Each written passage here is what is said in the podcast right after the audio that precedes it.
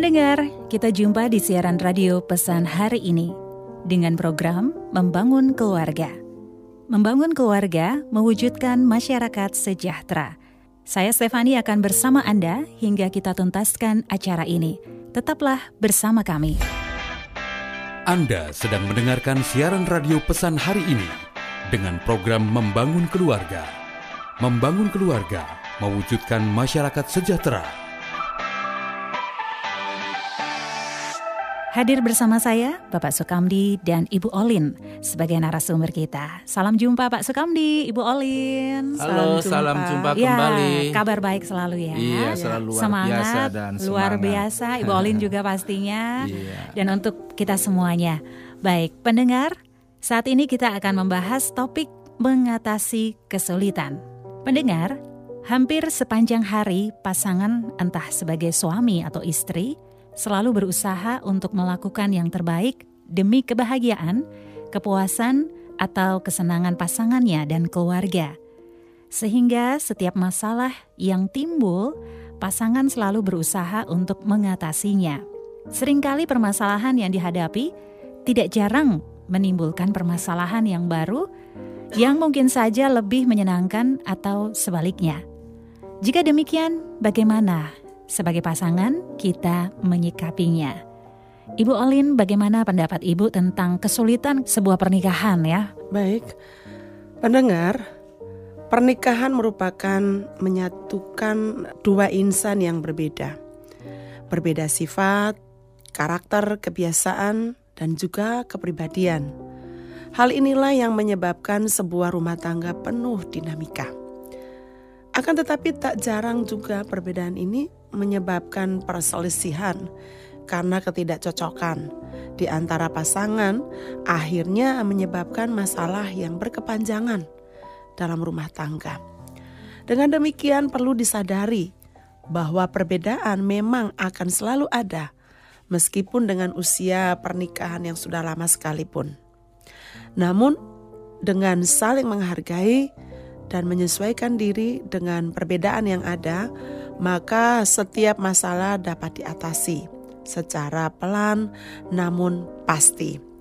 Nah, kuncinya adalah selalu berusaha untuk komunikasi yang baik antara suami dan istri. Baik, Pak Sukamdi. Sebagai pasangan, tentu sebisa mungkin aktivitas yang dilakukan mendatangkan kebahagiaan, kesenangan ya Pak ya. Yeah. Tetapi dalam kenyataannya, sering kali permasalahan yang datang lebih banyak mendatangkan kesulitan. Ya, memang dinamika dalam kehidupan berkeluarga, khususnya suami istri, ya. dengan berbagai keadaan latar belakang masing-masing, baik suami maupun istri, tentu untuk menyatukan persepsi, menyatukan sebuah cara pandang, keputusan, itu bisa jadi uh, menimbulkan beberapa uh, masalah yeah. ya atau kesulitan baik dalam hal menyesuaikan diri terhadap karakter masing-masing atau belajar memahami maksud perkataan atau maksud komunikasi yang ada kalanya uh, sulit untuk kita bisa mengerti tanpa minta penjelasan yang panjang atau juga bisa jadi karena tipologi daripada pribadi seseorang itu ya yang ada cenderung ngomong seperlunya yeah. atau cenderung diam dan akibatnya kadang-kadang itulah yang bisa menimbulkan uh, kesulitan-kesulitan di dalam uh, penyes biasanya itu hanya masalah penyesuaian diri saja yeah. terhadap uh, tipologi, karakter, cara berkomunikasi, latar belakang dan juga kebiasaan yang selama ini mungkin dibawa dalam lingkungan uh, keluarga masing-masing. Ya, keberbedaan-keberbedaan ini ya, perbedaan yang ada ini sangat bisa memunculkan konflik jelas ya Pak ya. Tapi kuncinya adalah berusaha komunikasi yang baik antara suami dan istri, entah mungkin karakternya yang beda atau tipologinya yang berbeda-beda ini ya Pak. Iya, memang pemahaman kita untuk kita bisa mengenal dengan uh, utuh, seutuhnya dari pasangan kita tentunya tidak selalu dimulai dari yang penting sama, tetapi hmm. selalu dimulai dari sebuah perbedaan dimulai dari suatu ketidakpaham uh, ketidaksepahaman atau satu masalah-masalah yang muncul dari cara pandang. Tujuan dan keadaan itu tentu semua secara umum dalam kehidupan keluarga selalu ada. Ya. Tetapi itu seharusnya tidak boleh dipandang sebagai satu sumber dan alasan untuk kita menganggap sebagai satu kesulitan atau uh, pertengkaran. Ya. Tetapi justru itulah fase di mana kita belajar saling menyesuaikan, saling belajar menerima dan saling belajar memahami sehingga kesulitan-kesulitan itu bukan sebagai sumber konflik atau sebagai persoalan yang uh, tidak pernah henti-hentinya tetapi cara kita untuk kita belajar memahami, menghargai dan mengenali tentang keutuhan pasangan kita masing-masing. Iya. Jika salah satu dari pasangan ini, Pak, entah suami ataupun istri ini mengalami konflik atau permasalahan diakibatkan karena ada perbedaan-perbedaan tadi ya Pak ya. Iya. Nah ini salah satunya misalnya sang suami nih akhirnya memilih untuk mengalah saja nih Pak. Iya, kata mengalah itu memang sebenarnya baik dalam kebiasaan kita, tetapi tidak berarti memendam perasaan uh, kecewa dan uh, apa namanya dendam gitu ya. Artinya yeah, yeah. dalam bahasa lain itu uh, cuekin aja. Tapi mengalah itu dalam arti untuk kita mau belajar mendengar yeah. apa yang sedang diucapkan, dikomunikasikan terhadap uh, dari pasangan kita. Mengalah berarti kita belajar memberikan waktu ya terhadap masing-masing pasangan kita sampai kita bisa mengenali maksud dan tujuannya. Ya. Seringkali ketidaksabaran, kemudian ketidaksabaran, kemudian ketidakmampuan kita mm -hmm. untuk uh, belajar yeah. memberikan waktu itu sering kali um, justru menjadi sumber ya sehingga masing-masing tidak merasa dihormati dan dihargai atas idenya, perkataannya atau pandangan-pandangannya di dalam yeah. masa penyesuaiannya itu. Mm -hmm. Tapi bukankah ketika kita mengalah itu kita nggak egois loh Pak dengan pasangan kita? Ya, dalam bahasa kata mengalah itu lebih kepada penyerahan hak dulu ya. Okay. Memberi waktu, menyediakan waktu dan kita mesti belajar juga berkorban untuk uh, belajar menghargai eh, informasi-informasi uh, dari pasangan kita. Yang penting etika dalam berkomunikasi itu jangan menyela atau jangan memotong saat pasangan kita itu sedang uh, berbicara atau menyampaikan sesuatu, coba didengar dulu ya. Kata kata mendengar itu artinya sampai kita mengenali kebutuhan yang uh, sedang mau disampaikan iya. itu. Yeah. Nah, problem utama dalam hal itu adalah ketidaksabaran kita terhadap uh, apa yang sedang terjadi dalam komunikasi sehingga dianggap itu aduh sulit sekali saya yeah, memahami yeah. perkataan istri saya kok saya sulit sekali bisa minta waktu terhadap pasangan saya dan sebagainya itu. Baik, pendengar, selama acara ini berlangsung, jika Anda mempunyai pertanyaan terhadap topik yang kami bahas, silakan menghubungi kami pada nomor telepon 0813 15 711 811 atau 0813 1089 8127. Email pesan hari ini 315 at gmail.com atau email membangun keluarga 0919 at gmail.com Pak Sukamdi, etika berkomunikasi dalam keluarga ini jelas bagian yang sangat penting suami ataupun istri harus melakukannya ya Pak ya. Yeah. Salah satunya tadi Bapak sampaikan belajar mendengar dulu. Nah, adakah tips Pak untuk para istri atau mungkin pendengar begitu ya yang saat ini mendengarkan topik kita agar kita belajar untuk mau mendengar nggak hanya ngomong aja ya. Iya, baik suami istri dalam membangun etika komunikasi supaya kita bisa menjadi pendengar yang baik. Ingatlah bahwa ada selalu kita punya sikap begini, bahwa ada sesuatu yang sangat penting yang saya harus dengar dari istri saya atau suami saya ya.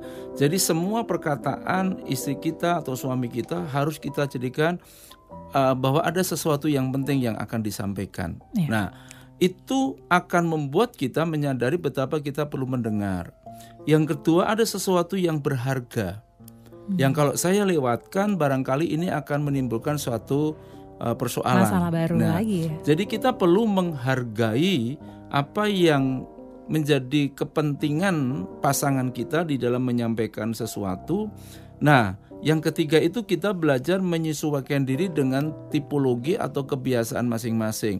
Oh, isi saya itu kalau mau tidur, mm-hmm. pengennya selalu ngobrol dulu. Nah. nah, kita belajar menyesuaikan dulu. Walaupun isi kita belum selesai Bicara. ngobrol, kita sudah tertidur gitu ya, ya atau sebaliknya. Iya. Nah sehingga kalau itu terjadi dalam hal uh, komunikasi, maka saya percaya akan terbangun satu trust, satu kepercayaan bahwa kalau saya ngomong itu karena memang ada sesuatu yang penting yang saya mau dengar mm, yeah. dan perlu dihargai dan perlu dicermati sehingga uh, keterbukaan itu akan menunjukkan sebagai uh, fungsi kebersamaan dalam keluarga -hmm. sehingga menjadi keluarga yang utuh yang harmonis lagi ya Pak ya. Iya.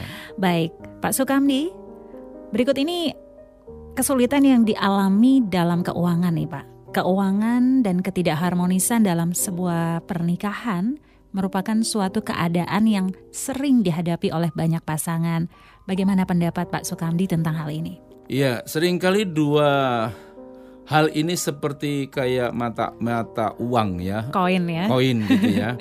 Ada orang merasa tidak harmonis karena alasan keuangan mm -hmm. atau juga karena soal keuangan menjadi tidak harmonis gitu. Hmm. Sebenarnya ini sebuah alasan yang sebenarnya tidak terlalu harus menjadi satu sumber persoalan konflik yang mengakibatkan di antara pasangan kita terjadi sesuatu uh, masalah atau mencoba mengakhiri masalah. Yeah. Nah, seharusnya kita harus memahami bahwa problem utama dalam keluarga itu sebenarnya sangat kompleks tapi kalau itu masalah keuangan tentulah harus bisa dibicarakan bersama. Ya. Katakanlah begini, uh, pendapatan kita satu bulan 5 juta hmm, dan sumbernya hanya dari suami saja sementara istri hanya bisa membelanjakan. Nah tentulah membuat apa yang disebut dengan pengelolaan keuangan rumah tangga. Ya. Nah kita mesti mengenali dulu prioritas-prioritas kebutuhan keluarga. Apa ke prioritas kebutuhan keluarga itu? Oh, yang pertama masih urusan dapur dulu. Ya. Kira-kira satu bulan menghabiskan berapa? Kemudian eh, kegiatan atau kebutuhan sekolah. Anak, atau juga mengenali perlu kebutuhan ini listrik, ini uh, apa namanya pulsa token, pulsa ya. token atau apa namanya itu air dan ya. sebagainya. Nah, itu nanti tinggal kita membuat pos-pos ya kita lihat ada 5 juta oh anggaran belanja dalam satu keluarga satu bulan mm-hmm. katakanlah dua setengah juta kemudian uh, listrik katakanlah 5 sampai 600 itu harus semua dimasukkan di pos dikasih amplop yang yang Khusus, sudah ya. disiapkan ya? mm-hmm. seperti saya di keluarga karena saya yang mengatur keuangan itu maka saya sudah kasih pos oh ini untuk SPP ini untuk listrik ini untuk urusan dapur mau mak uh, mau beras mau lauk pauk dan sebagainya atau ini urusan uh, sosial kampung yeah. misalkan ada kematian dan sebagainya hmm. nah kalau ada sisa baru kita simpan atau kita jadikan sebagai sebuah uh, tabungan nah masalahnya sering kali kalau kurang bagaimana? Sudah di pos-pos-pos ternyata Defisit masih kurang. Loh. Nah, itu yang di itu yang mesti dibicarakan, yang mesti dibicarakan ya supaya kita menyadari bahwa pengelolaan keuangan itu dikerjakan bersama-sama supaya tetap ada dalam keharmonisan. Tidak harus ketika istri minta uang dan sebagainya kita bilang tidak ada, ya. akhirnya terjadi benturan. Padahal itu uh, sangat urgen untuk uh, apa namanya diadakan. Jadi penting sekali dalam hal pengelolaan keuangan itu berkorelasi juga dalam hal menjaga keharmonisan keluarga. Yeah. Nah, salah satu membangun keharmonisan keluarga itu dalam hal keuangan mesti kelola bersama-sama. Yeah. Atau juga istri menolong suami di dalam membangun kreativitas ekonomi keluarga. Misalnya nih, saya, saya dulu saya ajari anak saya ketika anak saya itu masih SD, SMP, dia dulu tak kasih modal sepuluh ribu hmm. untuk yeah. beli gula pasir dan uh, apa minuman namanya saset minuman tadi. sasetan itu itu dia bisa sampai sampai empat puluh ribu karena kan satu lima ratus dan itu bisa bisa uh, bisa satu kilo gula pasir itu yeah. bisa jadi banyak sekali. Wow. Kemudian di situ kita ajari. Nah ingat anak bahwa uh, untuk bisa kita mendapatkan uang keuntungan itu mesti ada satu kegiatan harus ya. ada satu pekerjaan supaya apa anak kita bisa menghargai tentang yes. uh, masalah keuangan itu. Ada nilai juga ya, nah, ya Pak. Jadi itu sama berusaha. dengan kita bisa mau itu jadi akhirnya anak-anak saya jadi senang uh, melakukan kegiatan itu dan akhirnya keluarga kita jadi harmonis tidak selalu menuntut merengek-rengek ya, untuk ke orang tua. Ke ya. orang tua minta uang kecuali dia sibuk kuliah atau mau ujian mau apa ya kita bisa bantu ya, dengan ya. yang lain. Baik, pendengar kami akan kembali setelah yang berikut ini. Anda masih bersama kami dalam siaran radio pesan hari ini dengan program Membangun Keluarga. Membangun keluarga mewujudkan masyarakat sejahtera. Jika Anda mencantumkan nomor telepon, WhatsApp, atau email dengan jelas, kami akan mengirimkan e-booklet yang dapat memberikan masukan baik untuk membangun keluarga yang bahagia.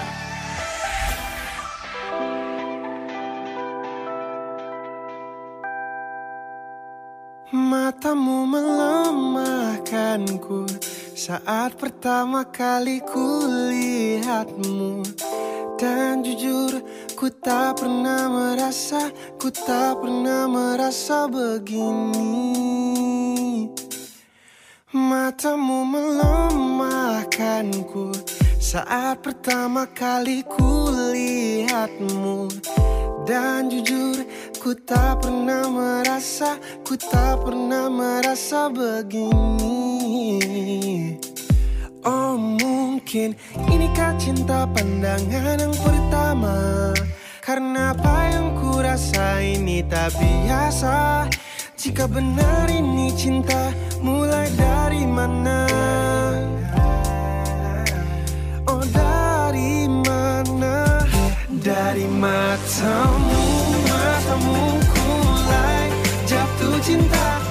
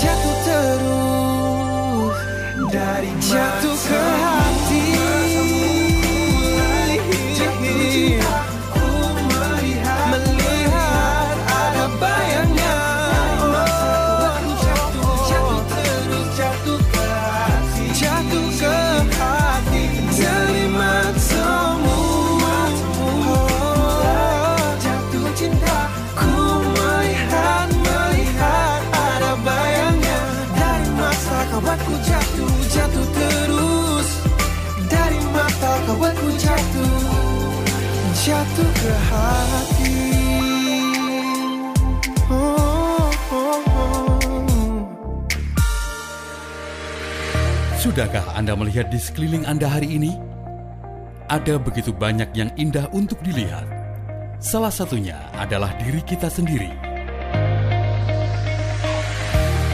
Mungkin saat ini Anda sedang menghadapi keadaan tersulit dalam hidup. Jangan putus asa karena setiap peristiwa yang terjadi bertujuan untuk mempersiapkan diri kita agar dapat mencapai tujuan hidup ini. Dukungan pasangan dan keluarga merupakan faktor penting untuk mengatasi masalah yang terjadi. Ingatlah untuk selalu bersyukur dan jangan biarkan persoalan yang terjadi menguasai kita.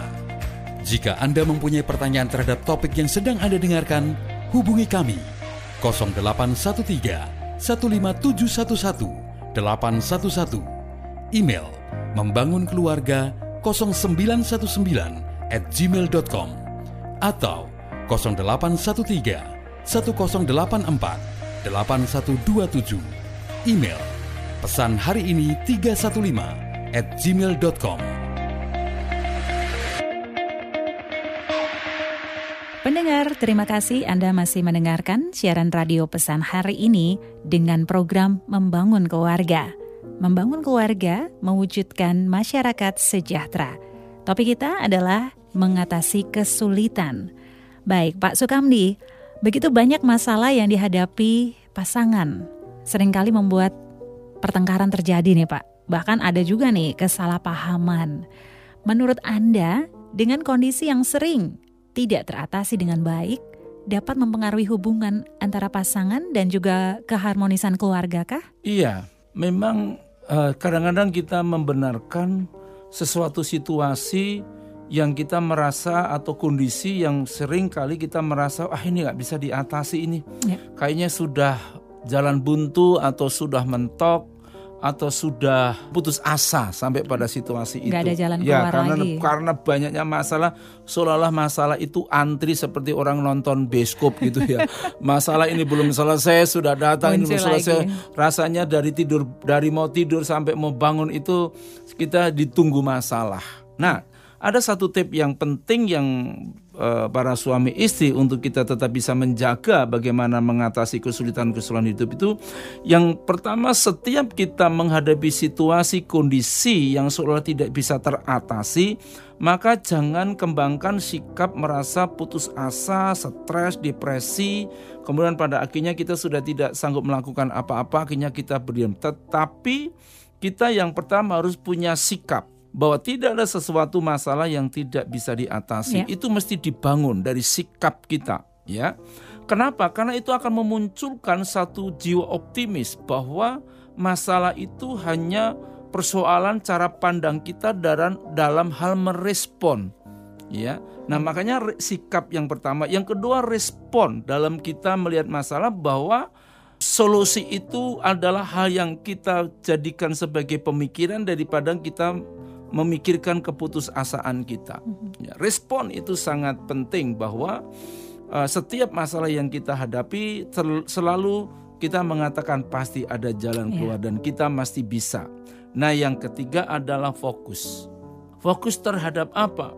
Fokus terhadap hal-hal yang membuat kita uh, optimis, yang membuat kita tetap semangat, yang membuat kita bisa melihat ke depan masa depan kita dalam hal membangun kebersamaan. Nah, makanya sebagai suami istri kalau kita menghadapi masa-masa yang seperti itu, jangan lalu kita membuat sebagai satu pembenaran dengan cara kita bertengkar. Dengan cara kita saling menyalahkan, saling menuntut, kemudian kita saling membenarkan. Maka sikap itu akan merugikan dan masalah akan bertambah masalah karena apa? Respon kita satu dengan yang lain sudah negatif, sudah tidak benar lagi, sudah nggak baik lagi dalam bahasa umum itu sudah tidak ada uh, chemistry lagi, nggak ada kecocokan lagi. Maka kita mesti fokus ya. terhadap tujuan kita menikah itu untuk apa dan bagaimana seharusnya. Nah, bagaimana dengan suami yang fokusnya mengalir aja nih Pak? Bisa jadi terjadi dalam fakta keluarga itu sekarang ini memang banyak sekali.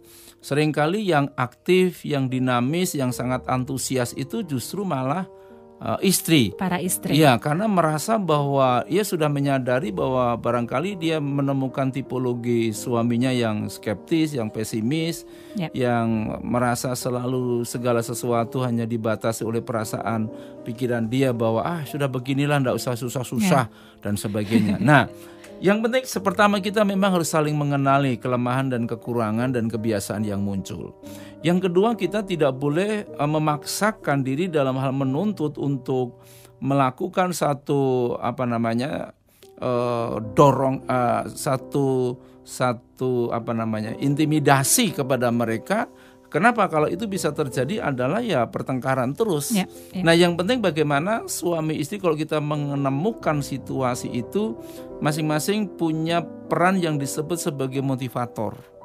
Ya, hmm. kita harus bisa saling uh, apa membangkitkan kegairahan, membangkitkan semangat. Yang kedua kita juga harus bisa membangun apa yang disebut dengan komunikator. komunikator. Bahwa tidak ada sesuatu ketertupuan yang akan menyelesaikan masalah. Kesalahan daripada keterbukaan. Yang ketiga betul-betul kita harus bisa mem membuat satu adaptation. Artinya penyesuaian diri dengan cepat ya terhadap pasangan terhadap kita. pasangan kita. Ya. Seringkali kadang kita tidak menyadari bahwa proses kondisi seperti itu itu sebenarnya adalah hanya masa penyesuaian kita yang belum terbiasa. Ya. Seseorang yang dilatar belakangi dari orang tua yang suka pekerja dan dia dilatih menjadi pekerja, pekerja. yang luar biasa, ya. di satu sisi menikah dengan keluarga yang membiasakan dirinya hidup manja, Wah. hidup muda karena merasa segala sesuatu ya. minta uang saja bisa. Nah, ketika dua orang ini menikah, pasti tahun pertama, tahun kedua itu Susah. masa penyesuaian adaptasi dalam mengkomunikasikan sesuatu di dalam respon sangat amat berbeda sekali, ya. ya, ya. Tapi kita kan menikah bukan untuk bertengkar, kita iya. menikah kan bukan untuk berkelahi dan kita menikah bukan untuk coba-coba. Tetapi segera secepatnya kita menyesuaikan diri bahwa sekarang kita memiliki situasi dan kondisi yang berbeda. Baik, pendengar, kami akan kembali setelah yang berikut ini. Anda masih bersama kami dalam siaran radio pesan hari ini dengan program Membangun Keluarga Membangun keluarga, mewujudkan masyarakat sejahtera. Jika Anda mencantumkan nomor telepon, WhatsApp, atau email dengan jelas, kami akan mengirimkan e-booklet yang dapat memberikan masukan baik untuk membangun keluarga yang bahagia.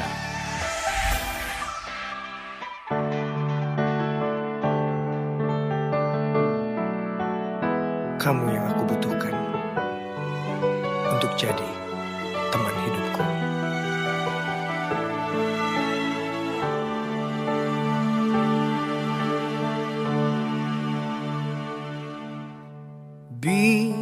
Bidadari tak bersayap datang padaku.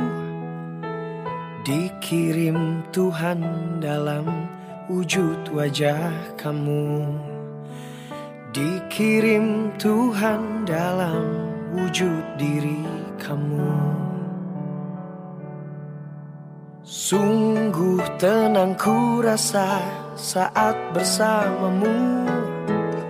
Sederhana namun indah kau mencintaiku. Sederhana namun indah kau mencintaiku.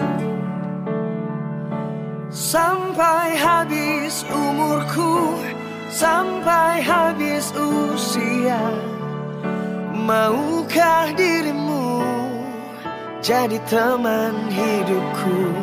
Kaulah satu di hati Kau yang teristimewa? Maukah dirimu hidup denganku?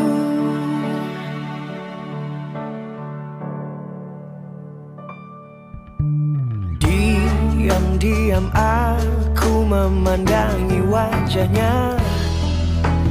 Tuhanku sayang sekali wanita ini Tuhanku sayang sekali wanita ini. Sampai habis nyawaku Sampai habis usia. Maukah dirimu Jadi teman hidupku?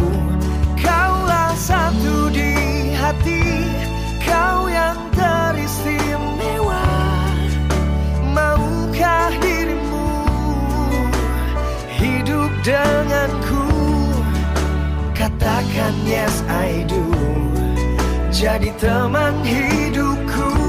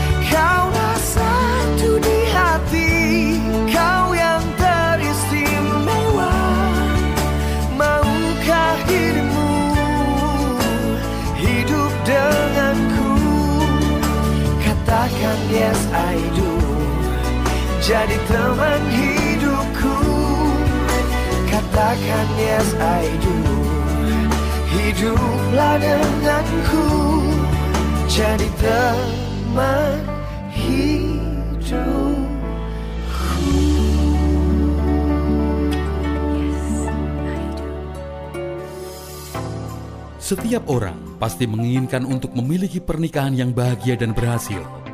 Tetapi jika tidak hati-hati, maka Anda akan terjebak dalam pemikiran bahwa hubungan yang bahagia adalah hubungan yang penuh kesamaan tanpa perbedaan. Tetapi, tanpa disadari, pemikiran itu akan mengarahkan Anda agar berusaha untuk membuat pasangan menjadi seperti apa yang Anda inginkan. Oleh sebab itu, sadarilah bahwa setiap pribadi memiliki keunikan tersendiri, sehingga diperlukan usaha kedua belah pihak untuk saling menyesuaikan diri yang didasari oleh cinta kasih di antara pasangan. Jika Anda mempunyai pertanyaan terhadap topik yang sedang Anda dengarkan, hubungi kami 0813 15711 811 email membangun keluarga 0919 at gmail.com atau 0813 1084 8127 email pesan hari ini 315 at gmail.com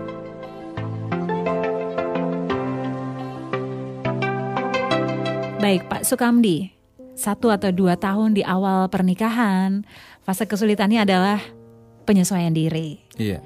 Yang pertama kalau itu hubungan dengan masalah biologis itu yang biasa disebut dengan fase pubertas pertama, kedua atau ketiga dengan jangka waktu kalau dalam psikologi keluarga itu per 10 sampai 15 tahun. Biasanya okay. itu ada fase katakanlah kita menikah usia 25 27. Mm-hmm. Nanti fase fase pubertas itu dalam teori keluarga itu usia 40 45 ya.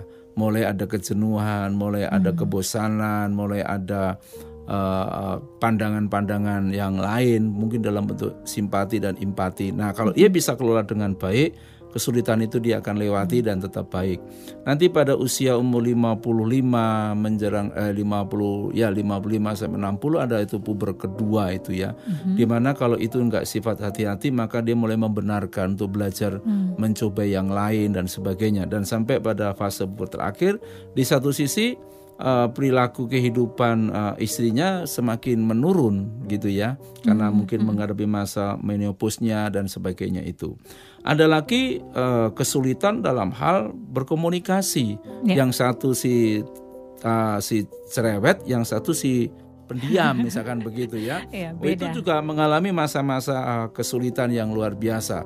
Istrinya kalau ditanya gimana kabarnya mah baik apa apa semua jalannya dalam keadaan apa dan sebagainya baik. Ya, cuma jawabnya begitu kan. Singkat, singkat, sekali. Ya. Padahal barangkali suaminya mungkin lebih banyak suara dan sebagainya atau bergantian. Nah, ada kesulitan-kesulitan yang lain di dalam masalah penyesuaian adaptasi itu dalam hal kebiasaan juga. Kebiasaan latar belakang masa lalu dia dengan orang tuanya, yang satu dengan masa lalu dengan budaya dan kebiasaan uh, masyarakat di mana dia tinggal. Nah, semua itu walaupun muncul kesulitan, maka ya hal yang paling perlu dikembangkan itu bagaimana kita bisa saling menghargai, kita jadikan sebagai kesempatan kita untuk bisa menyesuaikan diri dan bagaimana membangun sebuah komunikasi yang baik antar suami istri. Baik. Bagaimana pendapat Ibu Olin? Iya, pendengar sifat egois dan mau menang sendiri dari salah satu pasangan tentu menimbulkan masalah dalam keluarga. Nah, pasangan akan merasa rendah diri ketika ia merasa tidak dihargai perasaannya dengan cara merendahkan atau melecehkannya. Nah, apabila salah satu ada yang merasa bahwa dialah yang paling berperan dalam memenuhi semua kebutuhan rumah tangga. Untuk itu, usahakanlah agar hilangkan sifat egois dan arogan. Jika kita sebagai pasangan ingin dihargai, maka kitalah yang harus lebih dahulu menghargai pasangan kita. Dengan demikian, pasangan makin menaruh respek dan rasa hormat. Pak Sukamdi, apa poin penting yang ingin disampaikan kepada pendengar berkaitan dengan topik kita mengatasi kesulitan?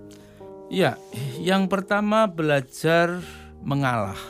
Mengalah bukan karena kita kalah, mengalah bukan karena kita cuek, tapi mengalah karena kita belajar memberi kesempatan dan waktu untuk bisa menjadi pendengar yang baik, ya. Yang kedua, katakan saya tidak mau bertengkar. Kenapa? Seringkali kita justru membuka peluang dalam kesulitan itu lebih suka kita bertengkar, kemudian saling menuntut, kemudian saling uh, apa memaksakan satu dengan yang lain. Nah, yang terakhir itu kita menghilangkan sifat individual kita. Yang kadang-kadang kita merasa bahwa diri kita sudah yang paling hebat, paling kuat, merasa diri kita ini paling mampu dan paling sanggup menghadapi dan menyelesaikan dan memenuhi kebutuhan keluarga. Nah, itu hal-hal yang perlu dicatat dalam hal yang penting dalam keluarga. Baik, pendengar, demikian perjumpaan kita dalam siaran radio pesan hari ini dengan program Membangun Keluarga. Membangun keluarga mewujudkan masyarakat sejahtera. Saya Stefani mohon diri dari hadapan Anda. Pesan hari ini memberikan arti dan nilai bagi kehidupan.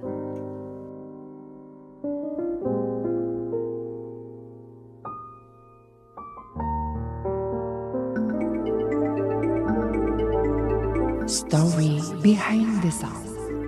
Sobat Maestro, kali ini kita akan menyimak sejarah terciptanya Kidung Hymns Glory be to God the Father atau hormat bagi Allah Bapa karya Horatius Bonar yang musiknya diaransemen oleh Regent Square.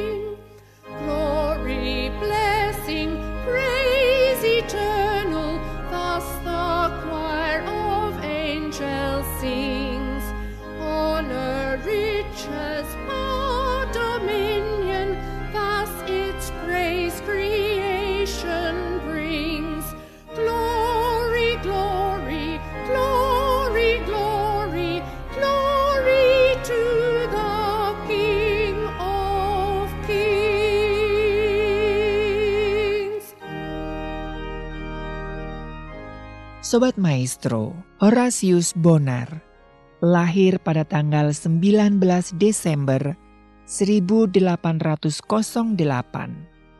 dan ia dikenal sebagai seorang terpelajar, penggubah puisi, dan pengkhotbah.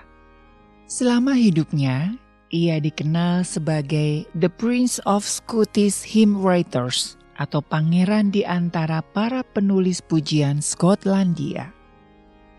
Setelah lulus dari University of Edinburgh, Ia ditabiskan pada tahun 1838 dan menjadi seorang pendeta di North Paris, Kelso. Dia bergabung dengan Free Church of Scotland pada tahun 1843. Selama hidupnya, ia menggubah banyak pujian. Sejumlah lebih dari 600 buah.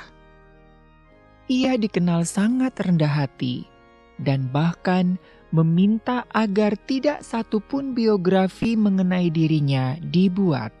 Pada upacara penguburannya, Reference E.H. Lowndy memberi kesaksian bahwa puji-pujian yang digubah Bonar dikerjakan dalam kondisi yang berbeda dan beraneka ragam. Ada yang digubah di tengah ombak lautan yang kencang, ada yang digubah di tengah kebisingan dari kereta api, ada juga yang digubah di tengah heningnya malam ketika bintang-bintang malam bersinar di atasnya. Di mana pun itu, sepertinya tidak menghalangi inspirasinya untuk menggubah pujian bagi kemuliaan Tuhan. Sobat Maestro, pujian hormat bagi Allah Bapa sudah dinyanyikan beberapa ratus tahun dan tidak pernah layu. Teks pujian ini menggambarkan isi hati dari Bonar yang terdalam untuk selalu mengembalikan segala kemuliaan hanya bagi Allah Tritunggal. Kita sebagai orang percaya tidak seharusnya merebut kemuliaannya, tetapi kita dapat menikmati Allah dengan berdiri dalam refleksi kemuliaan tersebut, sebab segala sesuatu adalah dari Dia dan oleh Dia dan kepada Dia. Bagi Dialah kemuliaan sampai selama-lamanya.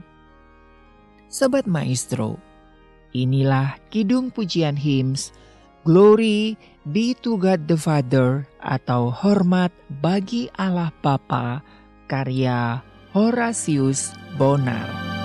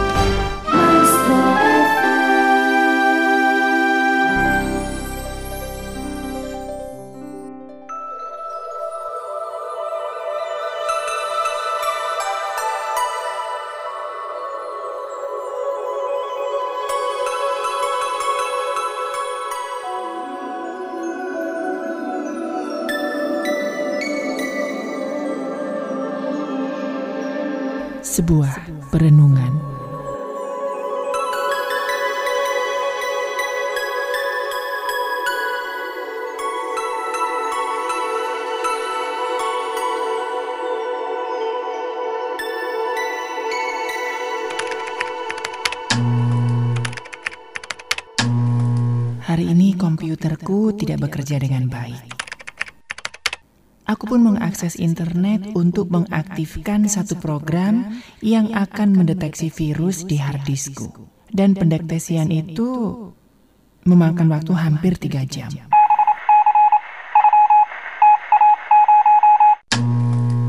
Lalu sebuah kotak muncul di layar menunjukkan bahwa ada tiga virus perusak yang telah ditemukan.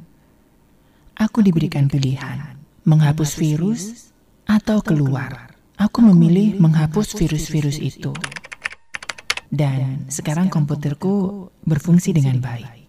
Aku berpikir bahwa ketika kita menghadapi masalah, itu indikasi ada virus dosa di dalam diri kita. Bila kita berusaha sendiri menyingkirkan dosa itu, kita akan menjadi kacau namun Roh Kudus memeriksa kita, melakukan pendeteksian yang menyeluruh. Jika hati nurani kita peka terhadap pimpinannya, kita akan mengetahui masalah apa yang telah terdeteksi. Lalu ia memberikan kita pilihan. Kita bisa bertahan dengan dosa-dosa atau mengakuinya di hadapannya. 1 Yohanes 1 ayat 9 berkata, jika kita mengaku dosa kita, maka Ia adalah setia dan adil, sehingga Ia akan mengampuni segala dosa kita dan menyucikan kita dari segala kejahatan. Ya, Ia membersihkan kita kembali dan membebaskan kita dari dosa, agar kita bisa menjalani hidup sepenuhnya. Mazmur 139 ayat 23 dan 24 juga mengatakan bahwa Selidikilah aku ya Allah, dan kenalah hatiku. Ujilah aku dan kenalah pikiran-pikiranku. Lihatlah apakah jalanku serong, dan tuntunlah aku di jalan yang kekal. Tuhan, aku berterima kasih untuk kelembutanmu saat engkau memeriksa dosa-dosaku, sehingga aku tidak dipermalukan tetapi diampuni dan disucikan. Amin.